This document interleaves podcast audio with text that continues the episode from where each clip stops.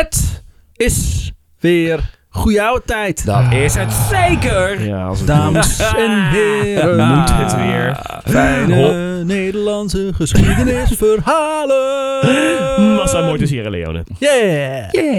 Wij zijn de Nederlandse geschiedenispodcast. Dat klopt. En soms een beetje Afrikaans. Waarin ik, Remy Kadenau, Mhm. Esquire, verhalen vertel aan mijn companen. Ja, George. En Tim van het Hul, MD. deze week weer het eh, vervolg van het verhaal van vorige week. Mag ik eerst nog een feitje Heb je er zin in, George? Nee, absoluut niet. Ah. tegenzin. Zoveel tegenzin is ongekend groot. Maar, allereerst, Mhm. Jingle! een feitje. Nee, Oh. een feitje. Lamlul. De allereerste bom die de geallieerden op Berlijn gooiden tijdens de Tweede Wereldoorlog... Oh, dat is vet Bertha. doodde de enige olifant in de Berlijnse dierentuin. Ah. Een droevig begin van een droevige aflevering. Django! Ja, hallo met eh, Frank van de FBI. Hoe kan dit gebeuren? Waar gaat deze zin heen? 70 Park Lane. Hallo, ligt mijn naam. Hoe staat het ervoor met die eh, ben, eh, ben en Jerry? Help mij, er is een arts hier. Atoomsplits torpedo sneldekker Ik ga zo echt klaarkomen van moeder. Oh, dat was echt een dombo. Waarom, bedoel, waarom heb je me nou vastgebonden, Remy? Waarom kan ik nou niet wegrennen? Ik wil weg. We gaan verder met eh, Sander. Sander, Sander Schimmelpenning de Vries, de boer van Tel van Zero's kijken. Ja, voor Kramer. vrienden Sander de Kramer. Oh ja. Sander, ga iets doen. Doe er iets aan, Sander. Kom op nou. Sander, kijk omhoog, Sander. Nee. ehm er loopt een Joe Ali tegen het lijf. In Sierra In Leone. Sierra Leone. Mhm. Joe is een lokale politicus in de provincie Bo. Bo. Theo. Jo- Bo. Bo. Of zoals de Fransen zeggen, mooi. Bo. Ja. Toch? Joe is in Freetown voor campagne. En ze kunnen elkaars hulp wel heel goed gebruiken.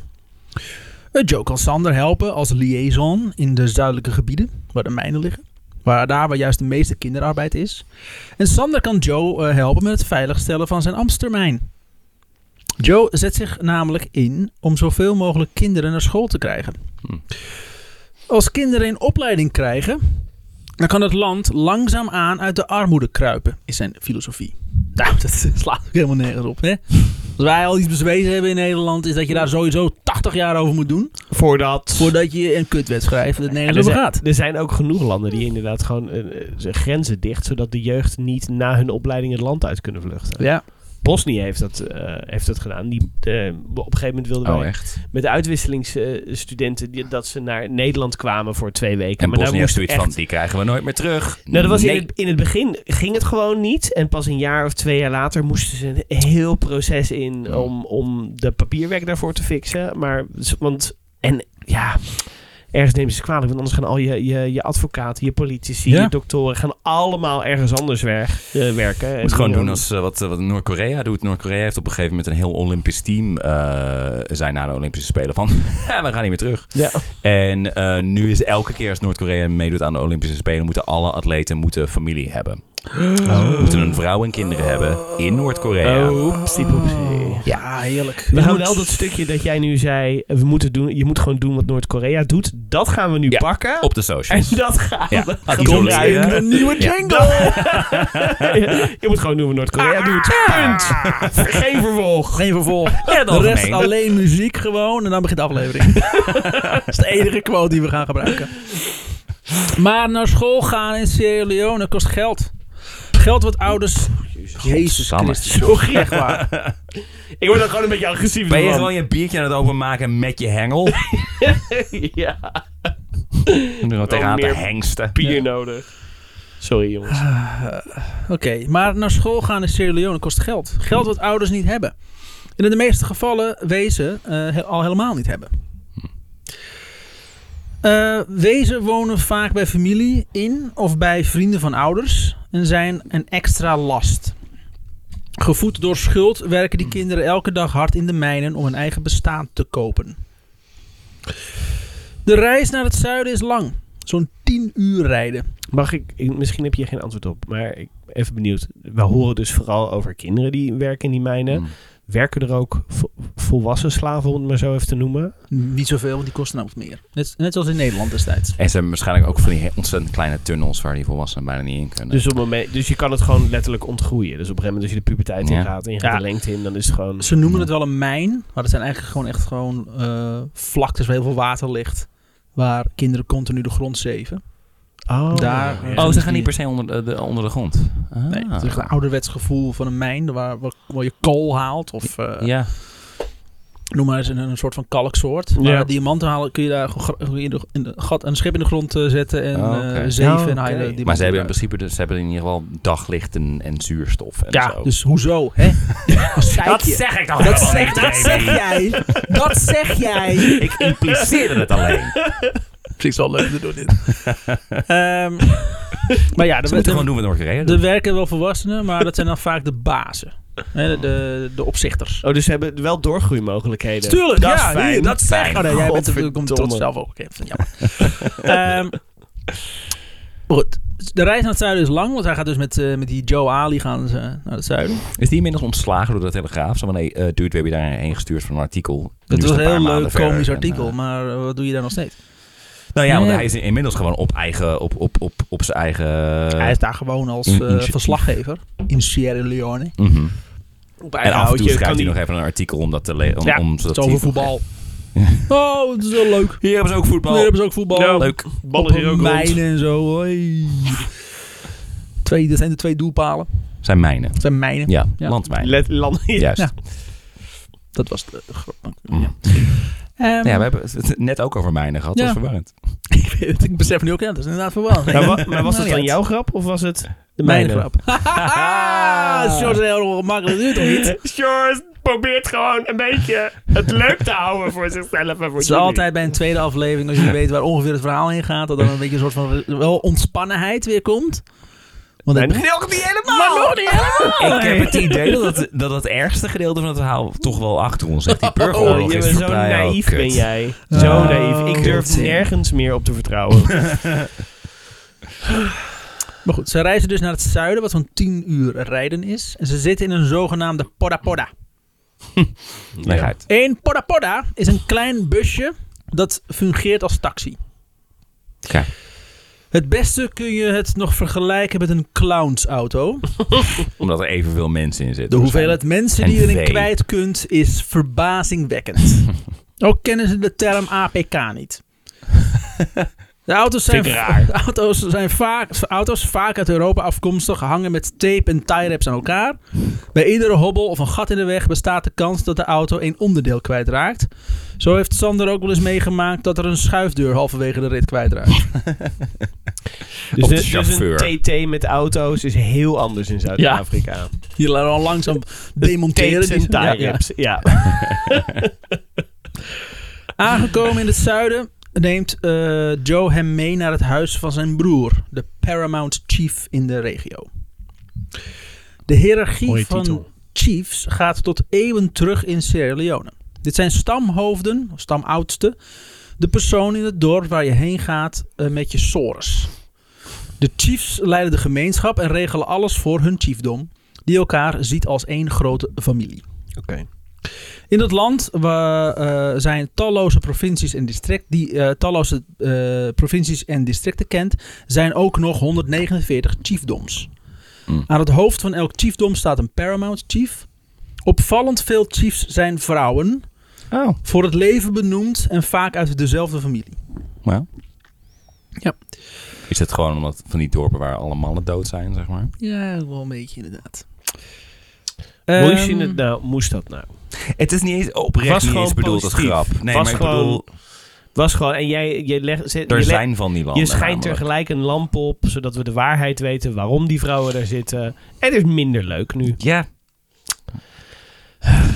Voor de chief heeft Sander een Nederlands elftal shirt mee.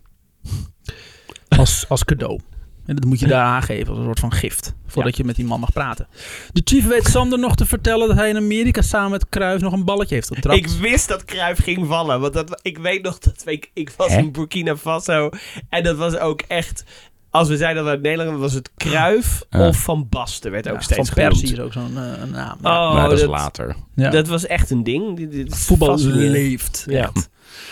Ehm, een balletje heeft getrapt. Het cadeau valt dus in goede smaak. Daarna vertelt Sander over zijn plan om kinderen uit de mijnen te redden. Hij ziet het als zijn persoonlijke missie. De, de chief vertelt op zijn beurt dat de meeste kinderen in clandestine mijnen werken. Dus in het geheim. Dus het is eigenlijk al illegaal kinderarbeid in Sierra Leone. Maar dat Ja, gebeurt voornamelijk in... ja. Ja. Ja, ja, het is illegaal. officieel. We hebben een gedoogbeleid. Ja. Ja. Het is een beetje in Nederland met zijn wiet. Ja, eh, vuurwerk, Dat mag eigenlijk niet, Ja, maar... kind, kinderarbeid. Daar worden we toch allemaal blij van. Precies. Dus, eh, hey, dus precies laten we net als lekker op de barbecue gaan. Eh, de oorlog heeft ook hier in het zuiden een diep litteken geslagen. De rebellen waren van dorp naar dorp getrokken en hadden in vrijwel elk huis dood en verderf gezaaid. Ik had, ik had me niet emotioneel ingesteld op meer flashbacks. Maar oké. Ik hoop ook dat het hierbij blijft. Ik dacht, de oorlog was voorbij, Remy. Ze vermoorden ouders, stalen kinderen vanaf een jaar of vijf om ze het, eh, op te leiden tot kindsoldaat. En de baby's, daar konden ze niks mee. Die lieten ze vaak, eh, in de, in de, vaak achter in de brandende huizen. Veel baby's zijn levend verbrand. Sommigen werden in de hectiek van geweerschoten en bommen uit de brandende huizen gesleurd door een buurman of oom. De baby's die de oorlog overleefden, werden na de oorlog als weeskind door loesje diamanthandelaren geronseld als spotgoedkope diamantzoekertjes. Voor nog geen dubbeltje per dag werken zij van 's ochtends vroeg tot, tot het duister invalt in illegale levensgevaarlijke afgravingen. Het is geen slavernij, hè? Mhm. Je zei slaven, maar uh, Dubbeltje dubbeltje. kregen betaald. Dubbeltje bedankt. Het duurste steentje ter wereld dat in, het rijke, eh, dat in de rijke eerste wereld voor ul- ultiem geluk staat. Uitgerekend dat steentje wordt aan de andere kant van de wereld opgegraven door ongelukkige weeskinderen. Kinderen die als slaven in de greep zitten van niets onziende mafiosi. De edelstenen die de kinderen uit de modderpoel vissen, moeten ze direct bij hun baas inleveren. Doen ze dat niet en proberen ze zelf de buit te verkopen, dan worden deze kinderen zonder pardon vermoord. De situatie met de diamantkinderen is Maar ook... corrigerend, hè? nou, corrigerende moord. zodat, ze, dat. zodat ze een lesje leren. Nou ja, zodat de, de groep een les leert. Niet meer doen, hè? Precies. De situatie met de diamantkinderen is ook voor de Paramount Chief in zijn regio een doorn in het oog. Maar de gezinnen hebben geen keus. Meer betalend werk is er niet. Sander stelt voor dat hij de gezinnen die dagelijks niet meer dan 10 cent verdienen, ongeveer, 20 cent per dag gaat betalen. Om niet meer in diamantmijnen te werken. Ja. Oh. Oh. Maar dan kan ik me iets meer voorstellen te denken van... Ja, dan kunnen we dus ook 30 cent per dag binnenhalen. Als we die 20 cent krijgen. Oh nee, wacht. Ze krijgen alleen die 20 cent als ze dus... Ja. Als hun kinderen niet in de mijnen Ja. werken. Ja, oké. Als tegenprestatie wil hij dat die kinderen naar school gaan. Een openbare school die hij laat bouwen door lokale aannemers op kosten van de Sunday Foundation. Ook mogen de kinderen dan op zijn kosten naar school. En tot het moment dat de overheid de leraren betaalt, betaalt hij ook eh, het loon van de leerkrachten. Wauw. Oké. Chief hoort het idee aan en zegt na een korte overpeinzing: I'm with you, my friend. Dat is fijn. De chief zei... Geef mij anders dan geld maar, dan regel ik de rest. Dan regel ik de rest wel. You are goed. my friend. Yep. Het derde bezoek aan de mijn gaat beter. Sander, Sawyer, Joe en de vele chiefs uit de omgeving. Het bezoek is onaangekondigd. De kinderen schrikken, bang om opgepakt te worden. Is het dezelfde mijn trouwens? Waar die eerst... Oh, oké. omdat ze bang om opgepakt te worden, omdat ze illegaal aan het werk eh, zijn, proberen ze weg te vluchten. Joe verzekert ze dat ze niet in gevaar zijn. Langzaam keren de kinderen terug. Ze zien er armoedig uit, buiken opgezet van de honger. Allemaal jong. De jongste zo'n vijf jaar oud. Van tien tot vijf is het ongeveer. Dat is de leeftijd van mijn kinderen, Remy. Ik denk dat we Daar het het gewoon verhaal even- uitgezocht. Eh, we noemen het eventjes gewoon. Je de, ja, voel je hem? Ja. Voel je hem? Voel je hem? Ja, ik voel me al gelijk, Remy. Dat hoef je niet te vragen. Ik ben dood van binnen. Ja. Ehm, Ik heb ze gelukkig net nog even kunnen Ja. Dat is fijn. Sawyer vraagt aan hem. het is ook mo- het moment dat, jij, dat, dat hij weer een beetje licht in jouw ogen ziet. Ja. En is het van... Tijdens de oorlog? Ja. Oh. Laat me nog even een flashback doen. maar dat is helemaal niet handig in het verhaal. Nee, Ja, maar... de Tweede Wereldoorlog dat maakt helemaal geen indruk meer op hem. Dus ik denk, eh, Precies. nou, gewoon naar Afrika. Nou, Ja, hij weet- je, zo, je zo'n lekker over- snoeperuitje naar Afrika. Hè? Hij weet dat als het over kinderen gaat, dat hij me extra heeft. Dat is de... Ja, dan heb ik nu dubbel, hè? Oorlog en kinderen. Hey. Vriendschap. Sawyer vraagt aan de groep kinderen: ehm, Wat dat voor Fogo na school? Wie wil er naar school? Hm. Geen antwoord. Oh, ik dacht dat hij iets vroeg over Lord of the Rings. Dat zeg je toch niet? Wat is dit nou? Ik wel. Ik pak Wel- ieder licht. Welke vinden jullie het beste film? Ja, hij vroeg Huh? iets over de Nazgul, dus ik dacht... Toen nou zei ja. ze, Hm. uh, Hobbit deel 3. Oké, eh, Ik hier ga wordt helemaal niemand gered. ik ga maar naar veel plezier met je mijn. Fucking mijn. Oh, die steen aan mijn, aan mijn vinger voelt zo wel lekker aan het eind van het jaar. En dat was Sander de Kramer, dames en heren. Nee. Eh, wie wilde naar school? Geen antwoord. Dus vraagt Joe het nog een keer, maar nu harder. Langzaam gaat er een handje omhoog. Wat is een school? Eén voor één steken ze een hand of vinger in de lucht. Hm. De eerste school komt er, gebouwd door lokale bedrijven. Eh, Sawyer en MF zien erop toe dat de, a- dat de aannemers zich aan de afspraken houden. Het idee om kinderen te redden uit de mijnen. eh, eh, sorry, het idee om kinderen te redden uit de mijnen door het geven van onderwijs werkt. Werkt binnen. Oh, heb het lekker afgesloten. Werkt binnen een mum van tijd. eh, eh, werkt binnen een mum van tijd openen zich nog meer scholen in Sierra Leone. Op afgelegen plekken, daar waar ze nodig zijn. Wat goed. Niet waar hulporganisatie er het beste fotomoment van kunnen maken. Hm. En allemaal door de Sunday Foundation, allemaal door Sander. Zeg Ja. maar. Nice. Nice. Hugo Borst zorgt ervoor dat in Nederland de donaties binnen blijven komen. Ondanks dat, eh, ondanks dat reist Sander ook veel heen en weer. Zo'n zeven keer per jaar reist hij af naar, eh, naar, salo- naar zijn salon. Zoals echte Sierra Leone's het land noemen. Hm.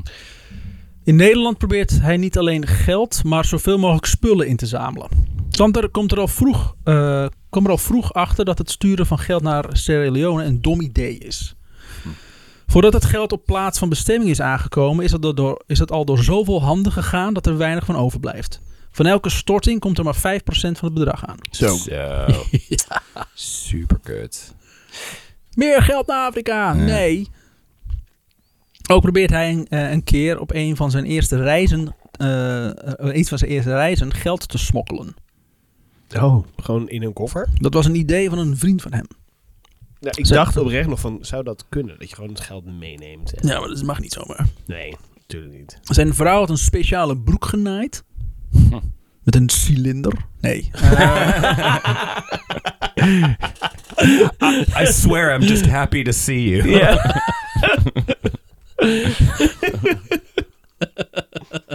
Zie je, dit hebben we af en toe nodig. Ah, alsjeblieft, jongen. Eh, waarin hij 50.000 euro kon verstoppen. Want dat had hij verzameld. Oh. Ja. De vriend die met het idee kwam, had eh, zelf nog geopperd dat hij het geld wel zou gaan smokkelen. Is mijn idee, ik ga het doen. Maar Sander vond dat niet, eh, vond dat, eh, dat niet dat hij zichzelf in gevaar moest brengen. En zo wist hij ook, eh, kan die man heel slecht liegen. Nee, hij, doet dit, hij moet dit zelf wel. Komt goed. ik, ik denk dat vooral dat laatste Ja. eh, meespeelde in zijn overweging. Ja, Sander heeft waarschijnlijk zoiets van, laat mij dat nou doen. Ik ben een witte man. Ik heb, I, I have no ass. Snap je? Daar kunnen ontzettend, Ja. kan ontzettend veel geld daar zonder dat ja. iemand het iets opvalt. En ik ben in training geweest bij Remy nou. Dus ik heb de white man confidence eh, Ja, ja. tot in de puntjes. Ja, het gaan- Jij hebt geld bij je? Echt niet? Nee, je hebt zelf geld bij je. Oké. Ja. Ja, dat Je mag geen geld voor- invoeren in Sierra Leone. Dit is Sierra Leone niet. Ik ben in Liberia. Wat? Hè? Nee, echt, echt, Echt maar kijk daar maar. Kijk, kijk daar. Loert Huizinga. Eh, Oké, de, eh, de beste vriend ging wel mee op reis naar Sierra Leone. Op Schiphol aangekomen... Ah, het ze- geld is er ook. Ah, kut, sorry. Sorry. Ik dacht dat ik moest niezen. En toen... Ha, ha, hij heeft geld dus goed. Betans, betaal jij die koffie met die 50.000 euro die je in je broek hebt. Ah, dat is slim. Sorry. Sorry. Op Schiphol aangekomen vinden ze het toch een beetje spannend. In de rij voor de douane begint Sander zich toch een beetje te knijpen. Schijt hij in zijn broek, kut. Dat is, dan heb je gewoon, smeer, heb je gewoon smeergeld.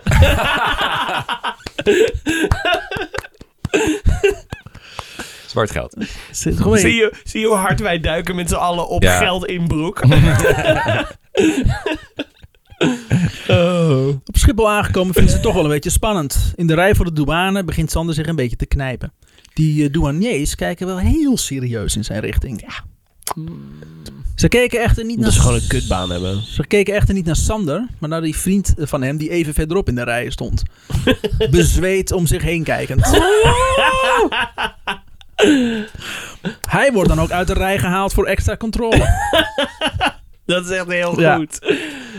Hij en Sander zitten even later in het vliegtuig naar Sierra Leone. Af te spreken dat ze dit nooit meer moeten doen. Hij is gewoon een, hij is gewoon een, een bliksemgeleider. Ja. Hij staat er gewoon naast. Zo van, als jij nou heel zenuwachtig doet, dan pakken Fijn. ze jou en dan... eh, Niet eens expres. Oh! Hij was gewoon het idee. ja. Oh, ik hoop niet dat Sander gepakt wordt. Oh, kijk maar. Oh, kijk hem weg. Ik heb het volgende nodig. Een broek, een naaimachine en een hele slechte leugenaar. ja. Oké. ik ben een heel slecht... Nee, niet maar. oh, wel maar. Ik weet... Oh, moeilijk. Ehm, in Sierra Leone helpt hij MF met de uitbreiding van zijn microkredietoplossing. Mhm. Weet je nog wat dat? Ja. Vrouwen, van, eh, vrouwen, vaak alleenstaande moeders, kunnen bij de Sunday Foundation een microkrediet krijgen. Waar ze zelf mogen bepalen wanneer ze deze aflossen. Enige voorwaarde is, is dat ze het geld gebruiken om zelf een bedrijfje te starten.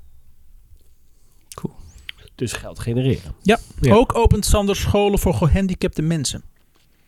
Een training en skills center voor de disabled. Abdoulaye, eh, inmiddels de pleegzoon van Sander, miste een arm omdat hij als kind die samen met zijn moeder door een machette is kwijtgeraakt. Hmm, short sleeve, long sleeve. Dat, Hij was, hij was een baby, hij weet het niet eens meer. eh, Dat scheelt dan weer. Sander eh, kwam Abdoulaye tegen op straat terwijl hij zat te bedelen.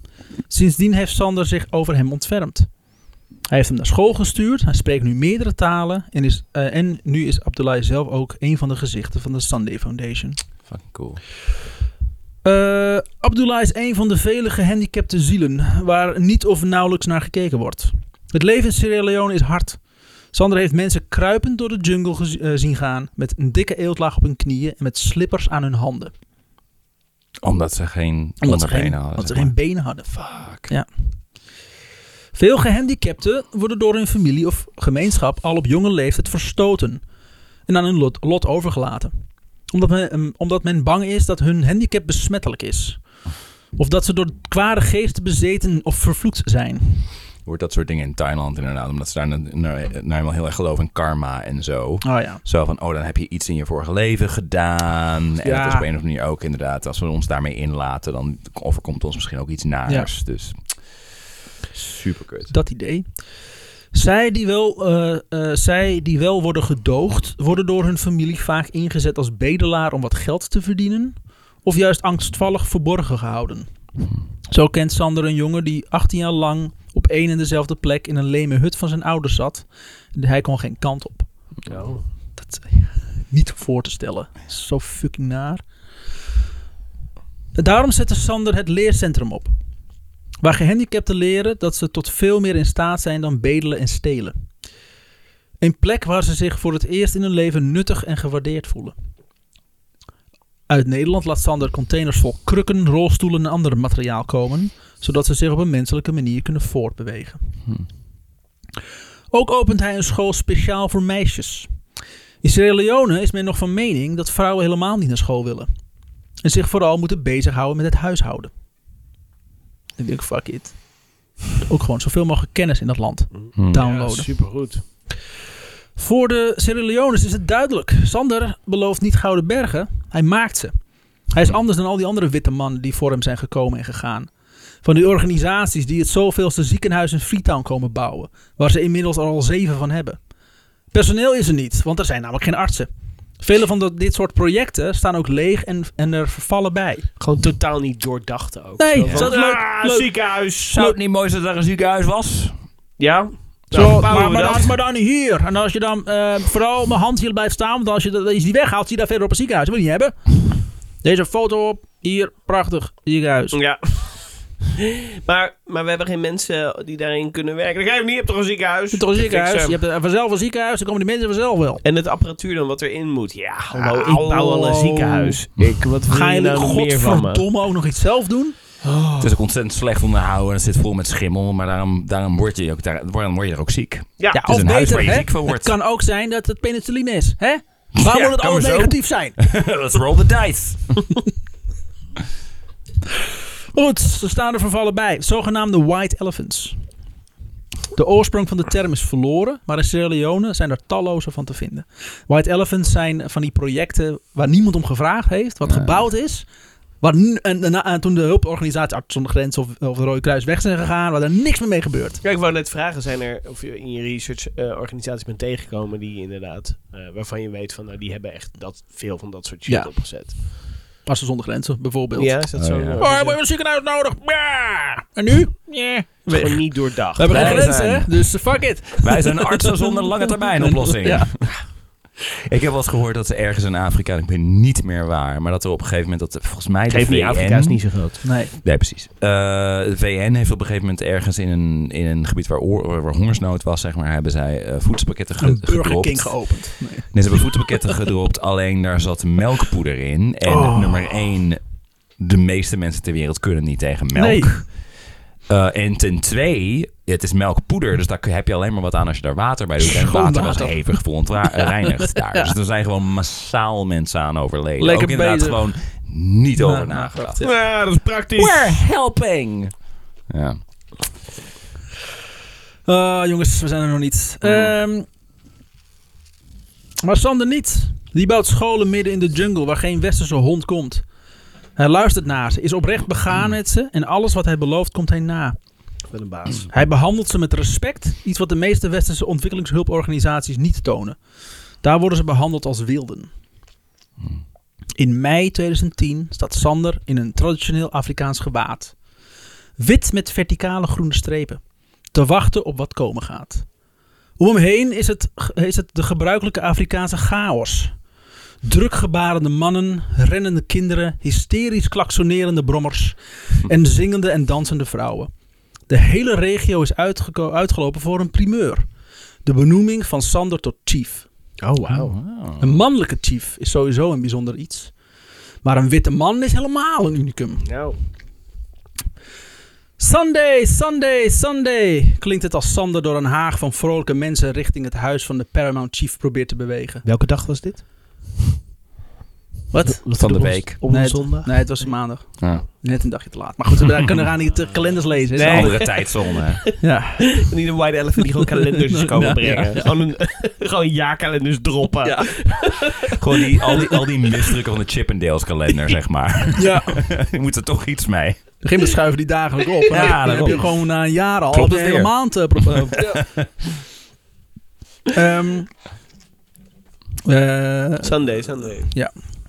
Eh, klinkt er het als Sander door een haag van vrolijke mensen richting het huis van de Chief probeert te bewegen.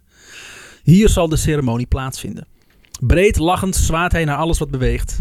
Voor het huis is nog, eh, is nog precies één plastic tuinstoel vrij. Op de stoel ernaast zit Wendy, de vrouw van Sander. Hm.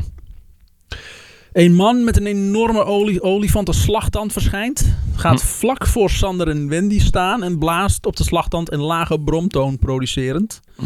De ceremonie is officieel begonnen. Hij wordt tot chief benoemd in het noordelijke chiefdom van de Paramount Chief. Omdat hij stevast iedereen die hij spreekt in het land uiteindelijk aanspreekt met oude dibbes. Echt? Echt? Ja.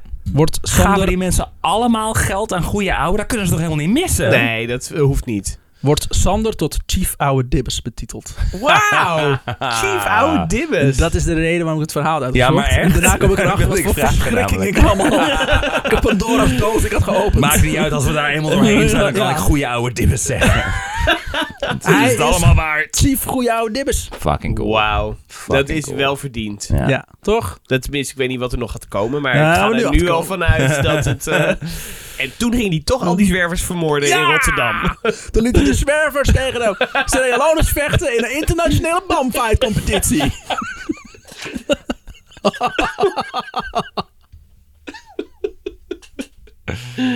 Oh. ik Dat kan echt niet. ligt nu in elke Sierra eh, supermarkt ligt nu kindervlees zeg maar te koop. Ja. Rechtstreeks uit de mijn. Scharrelkinderen. Sanders scharrelskinderen. Sanders scharrelsteaks. Sander Scharrelkinderen ofwel SS. Yeah! Blijft een goede aflevering. Zo, we hebben weer een Nederlandse volksheld weer helemaal kapot Fucking gemaakt. We proberen ons gewoon alvast mentaal in te dekken voor, voor hoe, die ons daadwer- hoe die ons straks gaat teleurstellen, zeg maar. En toen begon hij aan kinderen te zitten. Ah, Sander! Misschien ga ik jullie wel teleurstellen in het feit dat In ik het jullie net ga teleurstellen. Oh, dat is de trigger warning. Ik hoop het. ik denk het wel. Ik denk, eh, de woorden die jij nu al gebruikt hebt over deze man, denk ik dat dit eh, best wel een prima peer is. Ik vermoed van wel. Toch? Een goeie oude peer. Hij draagt de titel, de verantwoordelijkheid en de honorary chief cap. Dat is een muts of een hul. Ah, een hul. Een, een muts die hij op moet doen tijdens officiële gelegenheden.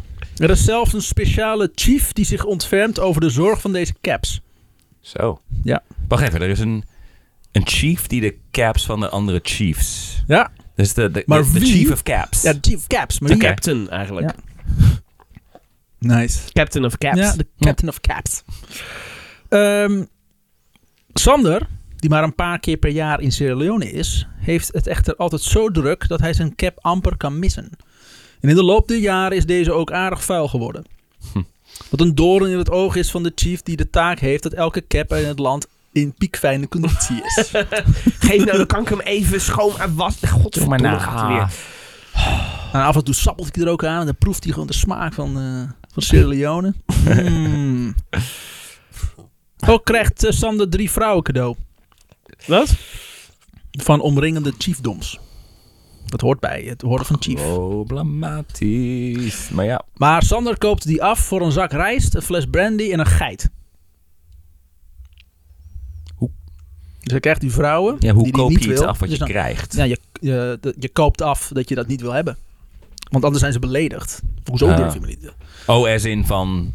Oh, dus niet dat hij dat geeft. Meer zo van, nou, doe maar die vrouw dan maar niet. Doe maar dan in plaats daarvan maar... Nee, wat nee, was het? eh, oh, nee. Het werd bijna een ruil, maar MF en Sawyer weten de chiefs uit te leggen dat ondanks San- Sander nu een chief is, hij ook een Nederlander is. En die hebben nu eenmaal andere levenswijzen. Ja. Dus hij, hij krijgt die vrouwen, maar die Nee. weigert hij. Dat is een belediging. En als excuus, Dus wat je zegt, is hij weigert te integreren, zeg maar. ja, Ja. als een echte Nederlander. Ne- Nederlanders houden niet van slavenhandel. Nee. Dat hebben we toch wel geleerd. Niet nu een goede meer. ouwe. Dat doen we niet. Het eh, hebben van de cap is wel handig. Als hij op reis gaat, dan gaat, hij, gaat het ding mee speciaal in een mandje. Wat naast hem zit op de, op de, stuur, op de, op de passagiersstoel. Je mag hem echter alleen dragen tijdens officieuze gelegenheden. Reizend als...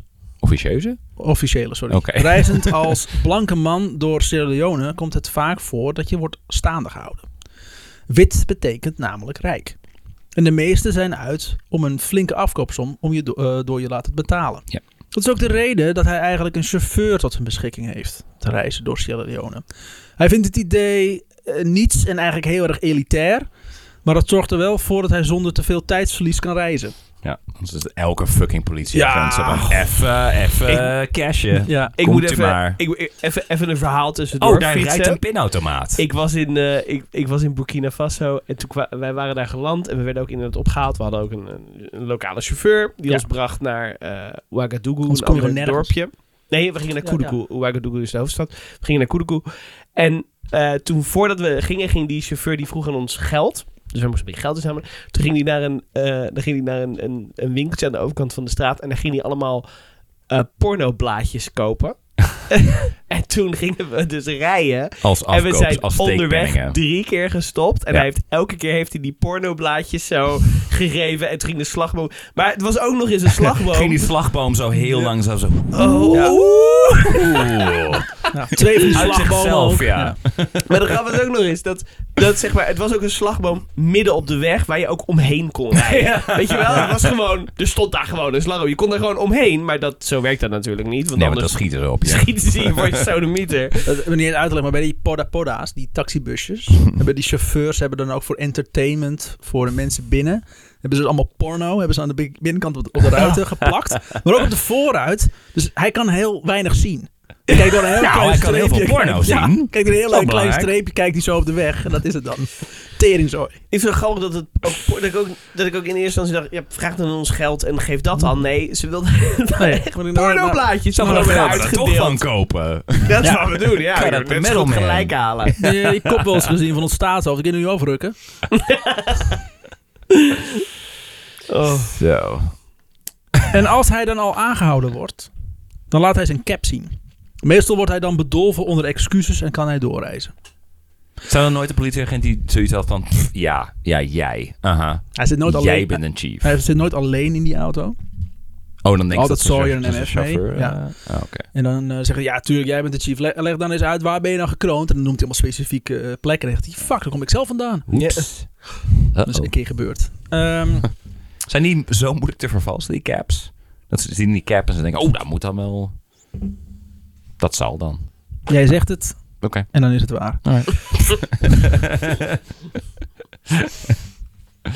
Maar vaak maakt hij nog een praatje met de agent of militair en geeft hij, nu hij toch stilstaat, eh vaak geschenken aan die agenten die hem Ja. staande houden. Vaak voetbalshirts en schoenen. Schoenen ook.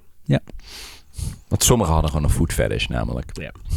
Daarom houden ze ook thuis allemaal van die voeten aan de muur hangen. Wil je deze penthouse? Nee, nee, nee. Geen gewoon maar. Want voetbal is een sport die dit land verbindt. Hij richt ook de Sunday Foundation voetbalclub op. Een club die inmiddels in de hoogste klasse voetbalt. Ook bestaat er een gehandicapte team. Op doel staat Salomon Kanu. In de oorlog is zijn arm afgehakt. De eerste periode na de oorlog valt zwaar, is zwaar voor Salomon.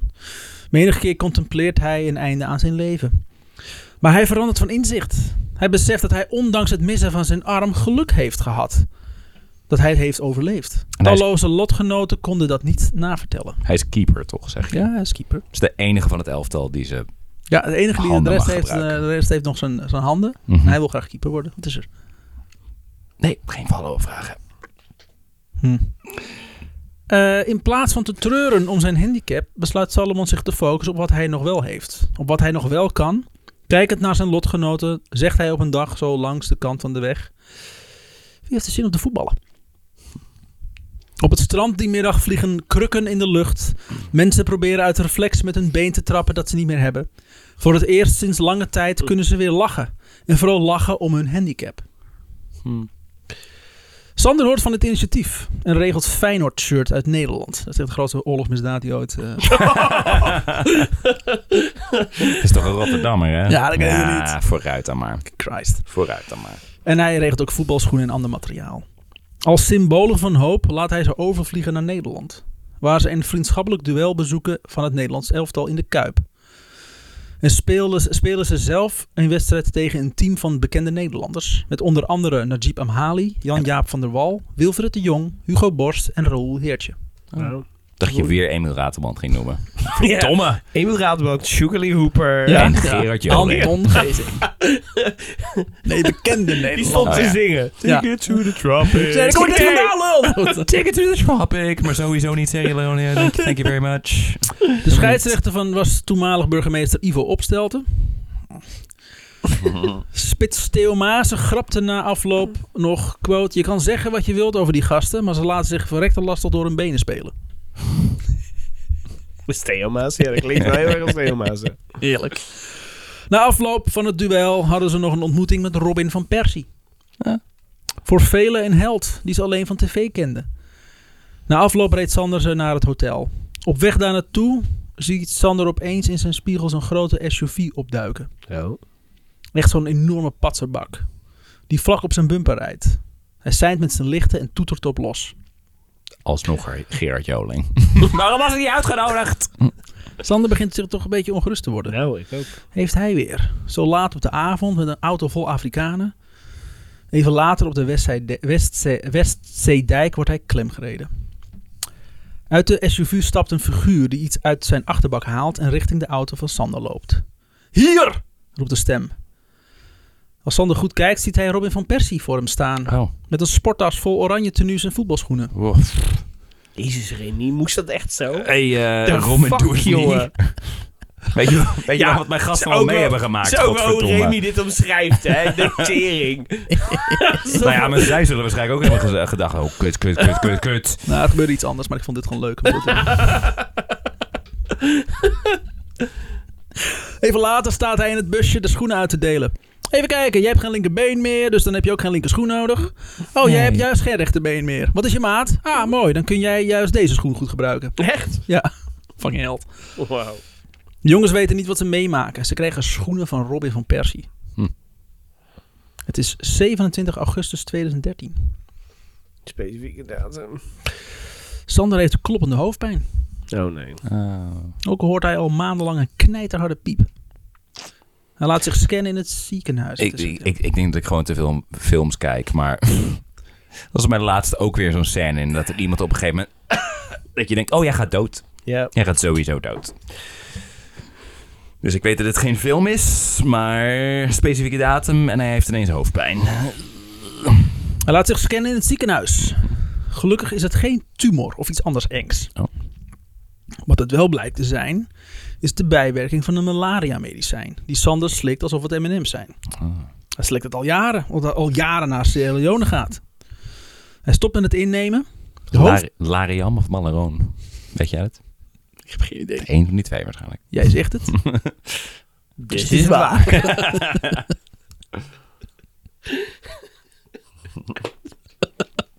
With great white privilege comes great responsibility.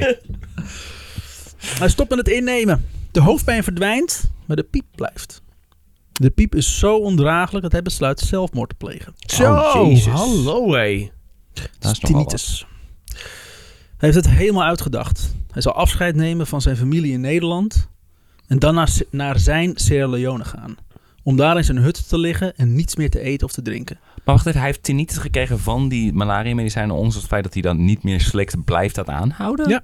Godsamme. Tinnitus is een probleem met je oor toch? Of Het eh, is knijterharde- of uh, het is gewoon lawaai in je oren wat niet Zo'n hard piepgeluid dat je niet eens meer gesprekken kan horen van Of mensen. kan slapen, inderdaad. Het is- ja. ja. Het is, een, het is Oh, heel kut. ja. Ik ken in, eh, in, in kamp in het bandjescircuit waar ik zat, zeg maar. dat- We hadden e- één ontzettend goede drummer. En die stopte op een gegeven moment met spelen in bandjes. En we hadden allemaal zoiets van, hé, hoe ze... Mark, Hij- die, die vond het fantastisch. En tinnitus inderdaad. Het, het is ook met oordoppen in, dat hij echt gewoon na twee nummers zei, gewoon echt pijn had. Ja. En, eh, ja. Super kut. Maar goed, hij gaat naar zijn Sierra Leone om daar in zijn hut te liggen en niets meer te eten of te drinken. Het zal hoogstens tien dagen duren. Hoogstens. Maar ook do- door, door dus hongerstaking eigenlijk Ja. te doen. Het is maar tien Je dagen niet, lijden. maar ja. Maar dat is zijn idee. Hij belt MF om aan te geven, ik kom naar huis om dood te gaan. MF weet niet wat hij hoort, maar ze laten dit niet zomaar gebeuren. Ze beloven Sander dat ze voor hem gaan bidden. God zal hem beter maken. Een paar da- paar dagen later krijgt Sander te horen dat MF is ingestort. Men denkt een beroerte. Sander reist per direct naar zijn broeder in Afrika. Het gaat wel beter met hem. En al is hij wel graadmager. Ze komen tot het besef dat het werk, het tomeloze inzet, het tomeloze niet ophoudende werk wat zij doen, hen opvreet. MF doet het rustiger aan. Sander leert op zijn beurt omgaan met zijn tinnitus. Hmm. Via via komt hij bij een psychiater die een medicijn voorschrijft die eh, niet de piepen wegneemt, maar wel eh, ervoor zorgt dat je niet piekert. Wat helpt. Je concentreert je namelijk niet meer op de piep. Hij is er wel, maar het boeit je niet. Een antidepressivum, zeg maar. Ja, je hoort het niet echt meer, zeg maar. Het is Nou een ja, onderdeel van... zo... En je Eh, je hoort het op. wel, maar je, je, ik kan me voorstellen dat het een beetje wordt over. zoals je neus die je altijd ziet, maar op een gegeven moment een soort van niet meer ziet. Mhm. Ja. Is, is, is- zeg ik dat goed? Nou, een ja. soort van pijn die je altijd voelt. eh, maar dat je je niet meer concentreert op die pijn die Ja. je altijd voelt. Ja. Dus het is er wel, van maar wie het je is- bent. Ja. Ja. Ik heb een beetje tinnitus na, namelijk. Het is echt, Ja, als, het heel, als het heel Ja. stil is, zeg maar, dan, dan hoor ik een piep. Je hebt een hele lichte... Ja, dus Ja. ik heb er weinig last van. Maar als ik me er af en toe bewust van, van word, dan moet ik er echt niet te veel op concentreren. Nee. En dan kan ik me niet meer voorstellen van, god, als dit harder is, wat dan kut zo Het is trouwens geen antidepressiva. Het is gewoon een middel wat helpt tegen pieken. Dus het is ook niet de effecten van antidepressiva. Dat is knijter zwaar. Dat ligt aan wel, welk antidepressivum je, je slikt. Er zijn heel veel verschillende versies van. Maar hoe dan ook. Maak een beetje zorgen om Tim, want die weet dat er heel veel verschillende soorten antidepressiva Ja. Have you met all of my friends? Oké. Ehm, het is begin mei 2014. Als een traditioneel gebedsgeneesrecht terugkeert van een ritueel. Met haar krachten heeft ze geprobeerd om een kind te bevrijden van een geheimzinnige ziekte. Of vloek. Het heeft niet zo mogen zijn. Het patiëntje is alsnog gestorven. Kort na haar thuiskomst wordt de vrouw zelf ziek. Haar uitvaart wordt druk bezocht en voordat ze het graf ingaat wordt haar lichaam bij wijze van afscheid, zoals gebruikelijk is in Sierra Leone, uitgebreid gewassen en daarna door vele tientallen dierbaren en andere dorpsbewoners betast en gekust. Oh nee. Gaat het over ik, ik, Oh, ebola. ebola? In de weken erna verspreidt het ebola-virus Ja. als een razernij over het land. Dat was echt een ding, ja. Ja. Ebola is een even zeldzame als vernietigende virusziekte die tot nu toe alleen in Midden-Afrika voorkomt. Het is mogelijk om zonder medicatie van de ziekte te herstellen, maar even vaak leidt ebola tot een pijnlijke dood. De overlevingskans is grofweg 50-50. Dragers van het virus krijgen eerst last van koorts en hoofdpijn. Anderen krijgen ook chronisch de hik. Maar al snel gaan die relatief onschuldige klachten gepaard met steeds hevig wordende pijnscheuten en spasmen. De patiënt krijgt moeite met slikken, ernstige maagklachten en binnen twee of drie weken schakelt het virus alle vitale organen uit. Heel hard, ja. Het is ook een reden waarom, waarom het niet meer verspreid is. Omdat het zo snel gaat. Ja. Nou ja, COVID was een veel succesvoller virus, zeg maar. Omdat je er, hebt er relatief weinig last van. Dus geef je het aan heel veel andere mensen... voordat je überhaupt in de gaten hebt dat je COVID Dat hebt. is het, ja. Ebola is zo dramatisch dat je echt wel merkt dat je ebola hebt, Je bent zeg maar. heel snel ziek en ja. En je bent heel snel dood, dus je kan het niet zo, aan zo heel veel mensen doorgeven. Nou, wacht jij maar, Tim nou ja, vergeleken met COVID. Het is extreem besmettelijk. Hm. Overdraagbaar via alle denkbare lichaamssappen. Neem maar lekker een slok, Tim. Zelfs al door enkele zweetdruppels. Hierdoor laat het zich moeilijk bestrijden. Zeker in, in een straatarm land als Sierra Leone. Gezondheidszorg is, er, zo- gezondheidszorg is er nauwelijks en hygiëne bestaat niet. Tot overmaat van ramp valt de uitbraak van het virus precies samen met het begin van het regenseizoen. Wat de hulpverlening ernstig bemoeilijkt en de kans op verspreiding vergroot. Bedoel, heel veel van de wegen zijn gewoon, Ja. gewoon zand. Je Dus hebt, je hebt, je hebt tijdens het, eh, het niet-regenseizoen heb je dus dat alles opgedroogd is. En dan kun je er gewoon eh, door, nou, u, u kan hier oversteken. Maar bij een regenseizoen is daar gewoon een kolkende rivier. Ja. Dus het wordt een beetje moeilijker. Ja, een beetje moeilijk om naar te komen. Ehm, eh, boe. de overheid doet wat ze kunnen. In juni gaan de grenzen met eh Guinea en Liberia dicht. Hm. Ook het reizen binnen de landsgrenzen wordt tot een absoluut minimum beperkt. Alleen strikt noodzakelijk transport van personen en goederen wordt toegestaan. Scholen en andere openbare gebouwen sluiten de deuren. Toch blijft het virus zich verspreiden. In oktober 2014 komen de, e- eh, komen de ebola-meldingen uit vrijwel alle hoeken van het land. Naar schatting sterven er elk uur vijf Sierra Leoners aan het virus. Hulpverleners stellen alles in het werk om de bevolking te doordringen van het gevaar van de onzichtbare vijand. Hmm. Maar veel Sierra Leoners nemen de dreiging nauwelijks serieus. Ga niet zo'n mondkapje dragen hoor. Laten we godverdomme niet muilkorven. Dat is precies wat ik dacht van, oh ja. Ja. Ja, het is toch niet zozeer een Sierra Leoners hoor. Nee, Nee, hoor. hoor. gewoon dom volk. Eh, jij gaat me niet vertellen dat ik twee minuten mijn handen moet wassen. Fuck jou, Donderen. vrij land. Maar god, Vrijland. kom zelf wel uit. Die maffia uit Den Haag, die allemaal Ja. bepaalt. Big Pharma. Ja, Hier, precies, dat dat is is die, het. eh, die grote Afrikaan daar, Pharma. Want de broer Big van Pharma. Hugo de Jonge, hè, die eh, werkt Ja, in de ja. farmaceutische industrie, hè? Ja. ik, heb, eh, ik heb ooit de eerste 20 minuten van Schindler's List ge- gezien. En eh, v- het is precies hetzelfde. Ja, er werden ook geen handen gewassen. Hè? Dat komt toch ook gewoon? Wat? Het is precies als die, precies als die ene fictieve oorlog. Precies. de Ja. ja. wat is niet gebeurd Al de dus de Holocaust. FVD. nou, dat is ook weer onderuit gehaald. De verschrikkelijke burgeroorlog ligt nog vers in hun geheugen. Vergeleken daarmee zal dit heus wel meevallen. Oh, er zijn zoveel mensen doodgaan. Bovendien weigeren mensen aanvankelijk te geloven dat het om een dodelijk virus gaat. In plaats daarvan zou het volgens hen een geheimzinnige vloek zijn die dood en verderf zaait. Ja. Bang om ook ten prooi te vallen aan de vloek dumpen mensen de lijken van hun dierbaren in blinde paniek midden op straat. Want Snel, gooi hem in onze enige drinkput. Ja, Dat, laat- Hier in de rivier. dat was de vloek weg. Ja. In Freetown liggen stapels lijken.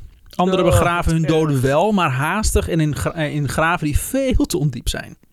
Ja, en ze, ze zijn zelf, ze, ze pakken dat lijk waarschijnlijk. En ja, De besmette menselijke resten vallen ten prooi aan ratten en andere wilde dieren, die weer die rondlopen. het virus in en- rap tempo Ja. verder verspreiden. Godverdomme, ja. Net als de rest van de wereld ziet ook Sander de horrorbeelden op het journaal. Hulpverleners in witte pakken, die vele lijken als chemisch afval worden afgevoerd. De vele lijken die als chemisch afval worden afgevoerd. De angst en de totale ontreddering op de gezichten van het volk waarmee hij, waarmee hij zich zo nauw verbonden voelt. Hij doet er alles aan om ebola buiten zijn Sunday Foundation te houden. Maar hij zit in Nederland, kan het land niet in. Mm. De schoolkinderen en hun families, de gehandicapten, de microkredietvrouwen, de mensen in de landbouwprojecten, allemaal worden ze voorzien van schoon water en zeep. De op voorlichtingsbijeenkomsten worden ze doordrongen van de ernst van de situatie, van de vernietigende kracht van ebola en het belang van de ingevoerde no-touch policy. Wat makkelijker gezegd is dan gedaan in een land waar lichamelijk contact zo diep geworteld zit. Ja. Een na- normale begroeting en een kort gesprek, daar zitten al minstens drie handdrukken in, twee omhelzingen en een high five. Ja. Eén Dat voordeel. zag je bij COVID ook heel erg inderdaad. Dat bepaalde landen het veel beter doen dan andere. Zo van, ja, je mag niet meer dan... dan van, je mag maar anderhalve meter in de buurt komen van mensen. Waarbij mensen in Finland zeiden... Moet ik wel zo dicht bij Nee, mensen in de buurt komen? Nooit! Ehm Eén voordeel uit, deze, uit dit alles. De nationale voetbalploeg van, eh, voetbalploeg van Sierra Leone is dankzij ebola wel door naar de eindrondes van de Africa Cup. Omdat de andere teams... De ploeg met, eh, met de naam Leon Stars, Leon Stars stond er aanvankelijk niet goed voor in de groepsfase. Een laatste lastige thuiswedstrijd zou dit moeten beslechten. Maar geen enkel land denkt, er, eh, denkt eraan om in ebola getijdsd Sierra Leone een uitwedstrijd te spelen. Oh, dus iedereen, iedereen De forfeit, zeg maar. zeg maar van, jullie hebben gewonnen, want niemand, eh, niemand durft ons eh, tegen ons op te nemen. De tegenstander geeft op en daarmee wint Sierra Leone automatisch. Wat goed. Ah, het is er gegund. Kom Het op is nou. echter wel een probleem. Het nationale team mag het land niet uit, Ja. want ebola. Ja. In Nederland wordt Sander gebeld door de eveneens in Nederland wonende Sierra Leoner Atto Mensa. Die weer een oud Ghanese eh, international is. Die na vele jaren in Sierra- Sierra Leone gevoetbald te hebben deze nationaliteit, nationaliteit aanneemt en uitkomt in zijn tijd voor Sierra Leone. Hij gaat als international uiteindelijk voetballen in Nederland bij Sparta. Raakt verliefd op het land en de mensen en besluit na een blessure in Nederland te blijven en zoekt werk als kok. Atto is op zijn beurt gebeld door de minister van Sport van Sierra Leone. Hij had hem gevraagd of hij misschien bondscoach wilt worden voor het nationale team, nu de huidige bondscoach het land niet uit mag. Atto had deze eer gelijk geaccepteerd en ontslag genomen bij zijn werk. En toen bedacht hij: ja, Oh ja, oké, eh, prima, maar welke spelers dan? Ja, En hoe bereik ik die? ja. En zoals elke Sierra, eh, Sierra Leoner die met een vraag zit, dan ga je naar een chief. En hoe toevallig is het dat er, in, dat er een chief woont in Rotterdam? Ja. En eentje die nog van voetbal houdt ook. Sander hoort zijn problemen aan. En besluit dat hij zijn assistent wordt. Zo jong, ga je helpen. Hm. Ook regelt hij eh, met Rotterdam dat het toernooi en de wedstrijd net zo goed in Nederland gespeeld kunnen worden. Via zijn contacten in de voetbalwereld weet hij al snel alle Sierra, Leoners die als international spelen te contacteren en vormt hij het team. Wauw. Fucking beest van een Dat man is het echt, jongen. Ja. Dat hij dat allemaal fixt gewoon. Ja. Gaan we even doen hoor. Niet lullen maar poetsen. Nou, maar hij, hij heeft een netwerk ook inderdaad. Dat hij gewoon even een paar telefoontjes pleegt. Dus, ja, prima. Ja, het feit alleen al dat hij... da- Daar, daar stond ik al van te kijken. Dat hij een soort van internationaal eh, kampioenschap opzet voor zwervers. Ja, en voor dakloos, wat nog daklozen. steeds bestaat. Dat is echt Dat is ook al... bizar. Ja. Nederland werd daar derde trouwens. Dat is de eerste. Daarna zijn we, zijn er, weer- gingen er steeds meer landen meedoen. En toen ging het niet zo goed met Nederland. Nee. Ja, wij hebben niet genoeg Dus dakloos. We werken natuurlijk zo- we zorgen goed voor onze daklozen. Eén zo'n man staat daar. Hallo? Ik denk dat Amerika gewoon elke keer wint. Omdat ze zoiets hebben. Weet je hoeveel daklozen wij hebben? Ja, die, ja, Ah, number one. Daar moet talent tussen zitten. Ehm, Ondanks dat het toernooi spelen in Nederland op papier een goed idee is, vond Afrika hier ook nog wat van. Zij besluiten dat de Afrika Cup alleen gespeeld mag worden op Afrikaanse, Afrikaanse bodem. Dus dat. Oké. Miep, miep. Dat is weer jammer. Maar het is niet anders. Dan maar naar. Via een kledingsponsor regelt hij officiële voetbalkleding. Drie weken nadat hij Sander heeft gebeld, staan ze samen met de ploeg op het vliegveld van Cameroen. Waar de wedstrijd gespeeld zal worden. Het is fucking echt in drie weken. Ja, dat is echt Insane. normaal. Ze mogen eh, niet in het hotel slapen waar ze eerst zouden worden ondergebracht. Ze worden geplaatst in een hotel wat nog in aanbouw is. Het cement was zelfs nog nat.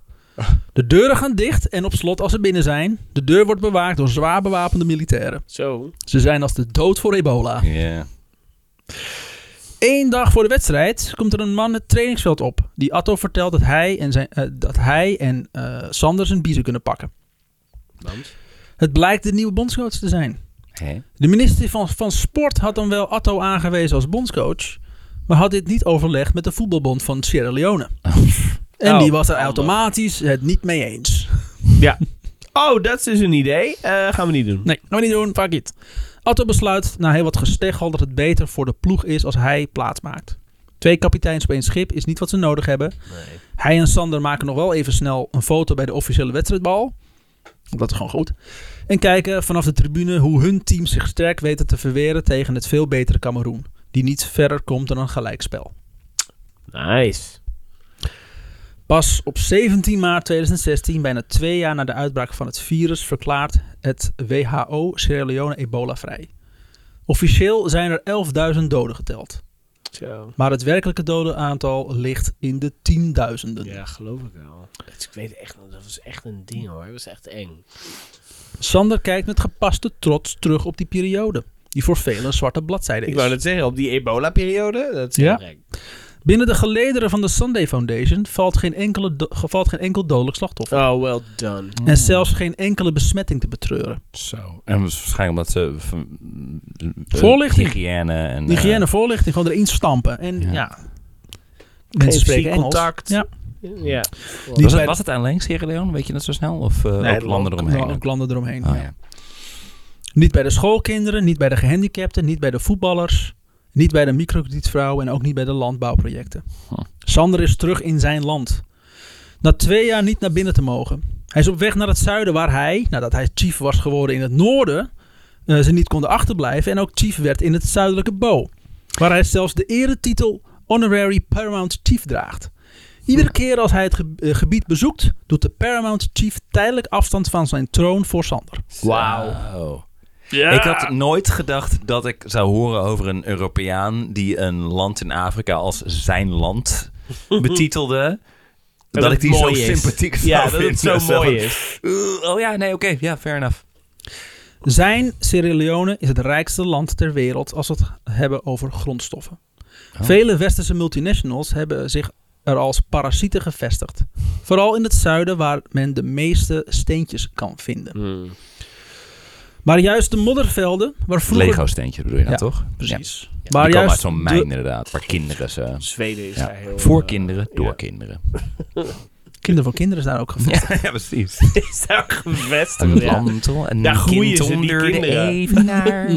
Wordt later maar een bedelaar.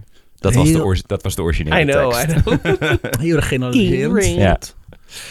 Maar juist de moddervelden, waar vroeger duizenden kinderen werkten, daar valt nu niets meer van te zien. Hm. Het zijn rijstvelden geworden. Ge- Nice. eh, geplant door de landbouwprojecten van de Sunday Foundation. Iedere keer als Sander het gebied aandoet, dan is er een groot feest ter ere van hun chiefs. Ook dit bezoek is niet anders. Nou, eigenlijk wel een beetje, want het is namelijk tien jaar geleden. Oh. Tien jaar geleden dat hij hier, voor, hier de eerste kinderen zover wist te krijgen op te houden met werken voor diamanthoeren.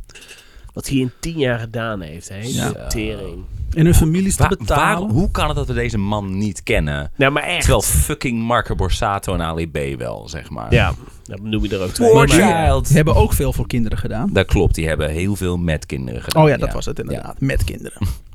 Voorzetsels, Remy. Hm, Sorry, moeilijk Nederlands. Bla bla. Blablabla. Tien jaar geleden dat hij eh, hier de eerste kinderen zover wist te krijgen op te houden met werken voor die diamanthoeren. En hun families te betalen om vooral weg... Wat is er?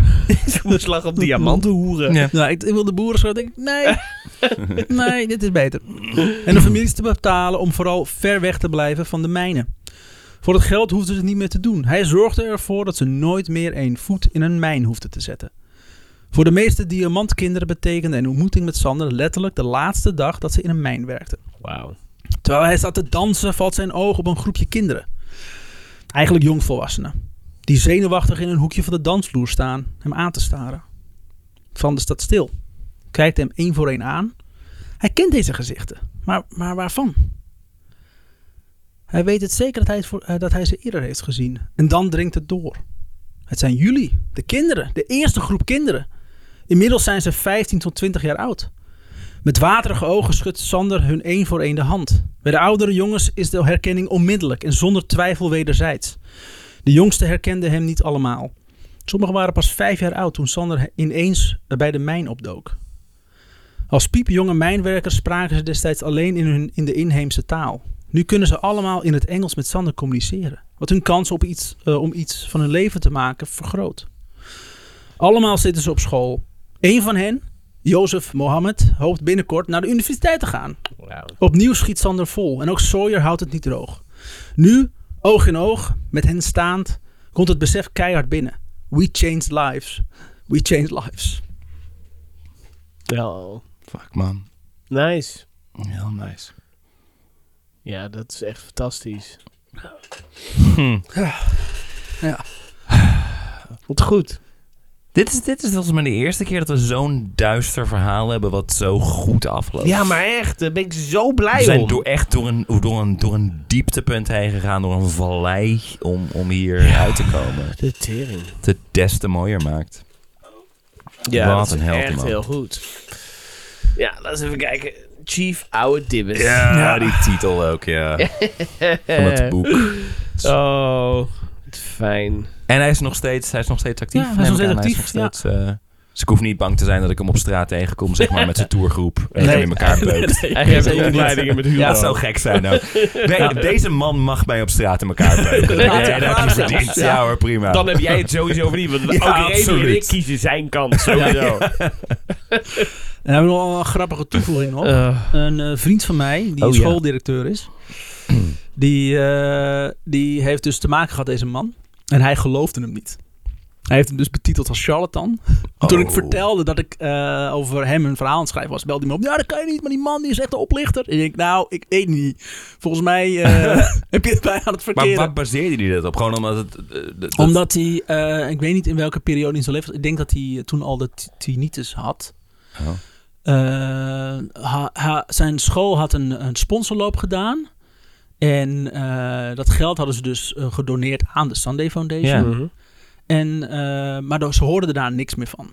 Oh, dus en ze zouden een van, school oh. krijgen met hun naam. En eh, toen kregen ze, da- kregen ze uiteindelijk wel foto's. Maar het was niet dus, eh, de naam van de school. Maar dat was verkeerd geschreven. Wat ook vaak voorkomt. Want eh, hij heeft ook scholen gemaakt eh, met naam van zijn ouders. En, eh, en de, of voetbalhelden. En die waren allemaal verkeerd geschreven. Ja, omdat cares? al, iedereen analfabeten waren. Hmm. Dus eh, daar... eh, En gekke Europese namen natuurlijk. ja, en op nog een gegeven moment heeft hij dus ruzie staan maken met die Sander de Kramer. Echt? ja. Oh. Ja, Is dat, Oeps. is, is dat degene die ik ook ken? ja die heb jij laatst toegevoegd aan ik weet wie dit is. Ik ga je naam niet noemen, maar ik weet wie je bent, Ja. Domingo. Oh. En wij weten nu allemaal wie Sander is. dus, Oh, eh, Sander is heel de grootste, Maar grootste stel dat, Nederlandse je, held nu. stel dat je ook iemand tegenkomt die zegt zo van... Ja, ik word een Sierra Leone, ben ik, een- ben ik een chief en ik heb allemaal mensen gered. Dan denk je het ook van... Ja, ja, ja, ja. mhm. ik heb ervoor gezorgd Ja, dat er hoor. geen kinderen meer in de mijnen werken in Sierra Leone. Hmm, ja, amigo. hoor. Jij bent dus de reden waarom mijn eh, White savior. geschenk aan mijn vrouw tien keer zo duur is. Nou, denk je wel. Ja. Wat? Wat? Hoezo? Een mooie foto trouwens ook op de cover van, die, eh, van dit boek.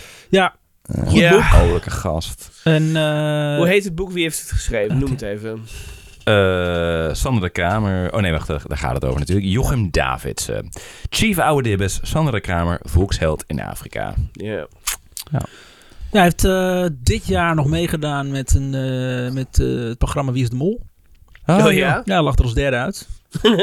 Ah, Wauw. Maar eh, Wat ja, een baas. Man is een baas. Het is grootste ga- smet op zijn carrière dat hij voor Telegraaf heeft geschreven. Maar verder... Ja. Die hebben hem wel Nou. eh, eh, gefinancierd dat hij naar Sierra Leone kan. Ja, dat is helemaal waar. Dat Daar is vast spijt waar. van ook. Maar eh, Oh, maar als, Ja. ja, ik merk het aan jou nu ook. Maar als het om kinderen gaat, dat, dat doet zoveel Ja, zeer. man. Dat doet zoveel zeer. Ik heb laatst nog een... ehm, een- eh, John Oliver had een heel stuk over Gaza en Israël en zo. En toen nou, daar kon ik, ging ik redelijk doorheen. En toen kwam er een, gewoon een stuk over kinderen in vluchtelingenkampen. Die Ja. gewoon aan het vertellen was hoe het daar was. Het was niet eens heel erg van ik ben dit verloren, dit kwijtgeraakt, dit is gebeurd. Maar het is ook, ook te janken, jongen. Dat kan ik zo slecht hebben. ja. Zo erg. Maar wat Ja, maar fijn dat dit zo'n mooi positief einde is. Dat Alsjeblieft. is echt Ja, heel man. fijn. Ja, dat is echt heel fijn. Het is ook echt wel eens fijn om te horen over mensen die gewoon echt objectief coole dingen hebben Ja. gedaan. Ja, Want er zijn er genoeg van. Is dit is gewoon een intens goed persoon. Ja. Ja. Die eh, zijn leven eh, geeft voor dat land. Ja. En op een of andere manier ook inderdaad van waarom. Ik bedoel, er zijn genoeg landen in Afrika of in een wereld waar, waar, waar shit's fucked up, zeg maar. Maar hij is op een of andere manier, misschien omdat hij daar is geweest en gewoon heeft gedacht van. hi- Hier, ik ga, ik ga hier, hier ga ik iets doen. Ja, hij heeft altijd het een fascinatie. mijnen, toch? Hij heeft altijd een fascinatie gehad met dat land. Want hij hoort Mm. natuurlijk van die oorlog. En Ja. hij is ook na die oorlog natuurlijk heen gegaan om erover te Oh ja, een schrijven. Blood Diamond dus, hè? Ja, en Blood kwamen ze Diamond had hij dus achter, gezien. ja, Blood Diamond gaat over de, of speelt zich af Leone? tijdens de burgeroorlog in Sierra Leone. Oh ja. We hebben het net even gegoogeld, we wisten het ook niet meer. Oh, ja. Eh, ik heb die film ooit gezien, maar... Maar dus misschien deels door Leonardo DiCaprio waarschijnlijk dat hij daar terecht is gekomen. En dat hij, weet je wel, Ja. om al even aan te geven hoe belangrijk entertainment ook kan zijn. Mm, ja. Dat wat het los kan maken in mensen, sommige mensen. Maar dat eh, was het verhaal over Chief eh oude Dibbes. Nice. Mm, Goeie Chief oude Dibbes. fucking cool. Echt goede oude dinges, ja. Hopelijk steunt hij ons. Ja, want anders dan heb ik wel minder respect Anders voor heb ik echt... Fuck die man. Fuck die man. dan is het Echt over. waar. Dan is het echt een uh, aandacht als een media hoer. Wegliefde! Wegliefde! Ja, daar gaan we alsnog inderdaad een derde aflevering over doen. ja. Met een of andere exposé. Zo. Oh ja, nou... eh, Toen hij 14 was, heeft hij wel eens uit winkels gestolen en zo. En eh, lijkt allemaal wel zo'n Ja. sympathieke gozer, maar We hebben een van een die zwervers uit Rotterdam hier. Ja. Die gaat iets een en ander over hem zeggen. toch? Ah, Hier, ja, hier heb je 50 euro. Vertel eens wat. Nou, Nee, mensen fucking cool. zijn. Nee, wat een baas. Wat een chief oude is. Nice. Hm. Eh, Maar ook omdat hij... eh, we we- niemand weet hier wat van. We weten sowieso Nee. niet Nee, dat Leone. is We weten sowieso niks over die man. Hij zoekt ook de aandacht helemaal niet op Dit doet hij niet daarnaar. voor. Dit doet hij niet voor. Hij doet het om die mensen te helpen. Ja. En eh, eh, hij zorgt dan wel voor... eh, hij heeft ook allemaal veilingen georganiseerd... waar hij allemaal bekende Nederlanders zover kreeg om, eh, om spullen te verkopen. Hij had eh, een of andere... eh, die gast die al die voetbalshit regelde... dat was een of andere oude zaakwaarnemer van Johan Cruijff. Oh. Die had hij zover gekregen om de oude voetbalschoenen van Johan Cruijff te veilen. Ja. Die hij uiteindelijk zelf weer heeft teruggekocht. Want hij kon geen afscheid nemen van zijn schoenen. En dan had hij ook gezegd van ja, eh, werd, werd hij nog gebeld. Die man werd nog gebeld door de organisatie van die veiling. Ja, en wanneer wil je dan je, je villa verhuren? Villa verhuren? Ja, want je, gaat, je hebt toch een week eh, beloofd dat eh, mensen in jouw villa kunnen wonen? Oh, Dat zal nog gewoon gezegd. En dan- ja, hij kon het niet meer terugnemen. Dus Ja, eh, had nee, hij daar ook uiteindelijk heeft hij dus eigenlijk geld betaald om zijn eigen huis te blijven wonen. hij heeft het zelf opgeboden. Ja. Ja, maar die bleef hem ook maar steunen. Dus hij die man is zo'n positief ja, soort Ja, wervelwind. Die wordt er gewoon meegenomen. Ja. Behalve dan die ene vriend van mij. Die, eh, Ja, die was de enige in Nederland. Ja. Ja. daar gaan we Ja. zo nog een podcast over doen. Ja, Ja. die krijgt zijn eigen aflevering. dus, dus dat. Nee, ja, Sander de. Kramer. Held van het eerste uur. Fucking Nice. Alsjeblieft. Volgende week weer eh lachen, gieren, brullen. Ja? Ja, we zijn nu positief geëindigd, vind ik fijn. ja, toch? Zullen we daarmee, zullen we daarmee laten? Gewoon Zo nog huishoudelijk mee even, doen? even een leuke, gezellige, gezamenlijke... Huishoudelijke mededelingen. Ja, ga naar eh, Sunday Foundation en Ja. eh, Ja. doneer daar geld naar. Fuck goeie ouwe inderdaad. Ja, Ga gewoon naar de Sunday dit. Foundation. Ga naar de Sunday Foundation, eh, doneer voor Whatever je eh, wil. Sierra Leone, geef iets en eh, dat zouden wij te gek vinden. Ehm, en dat, dank je wel voor het luisteren. Jullie zijn te gek en tot volgende week.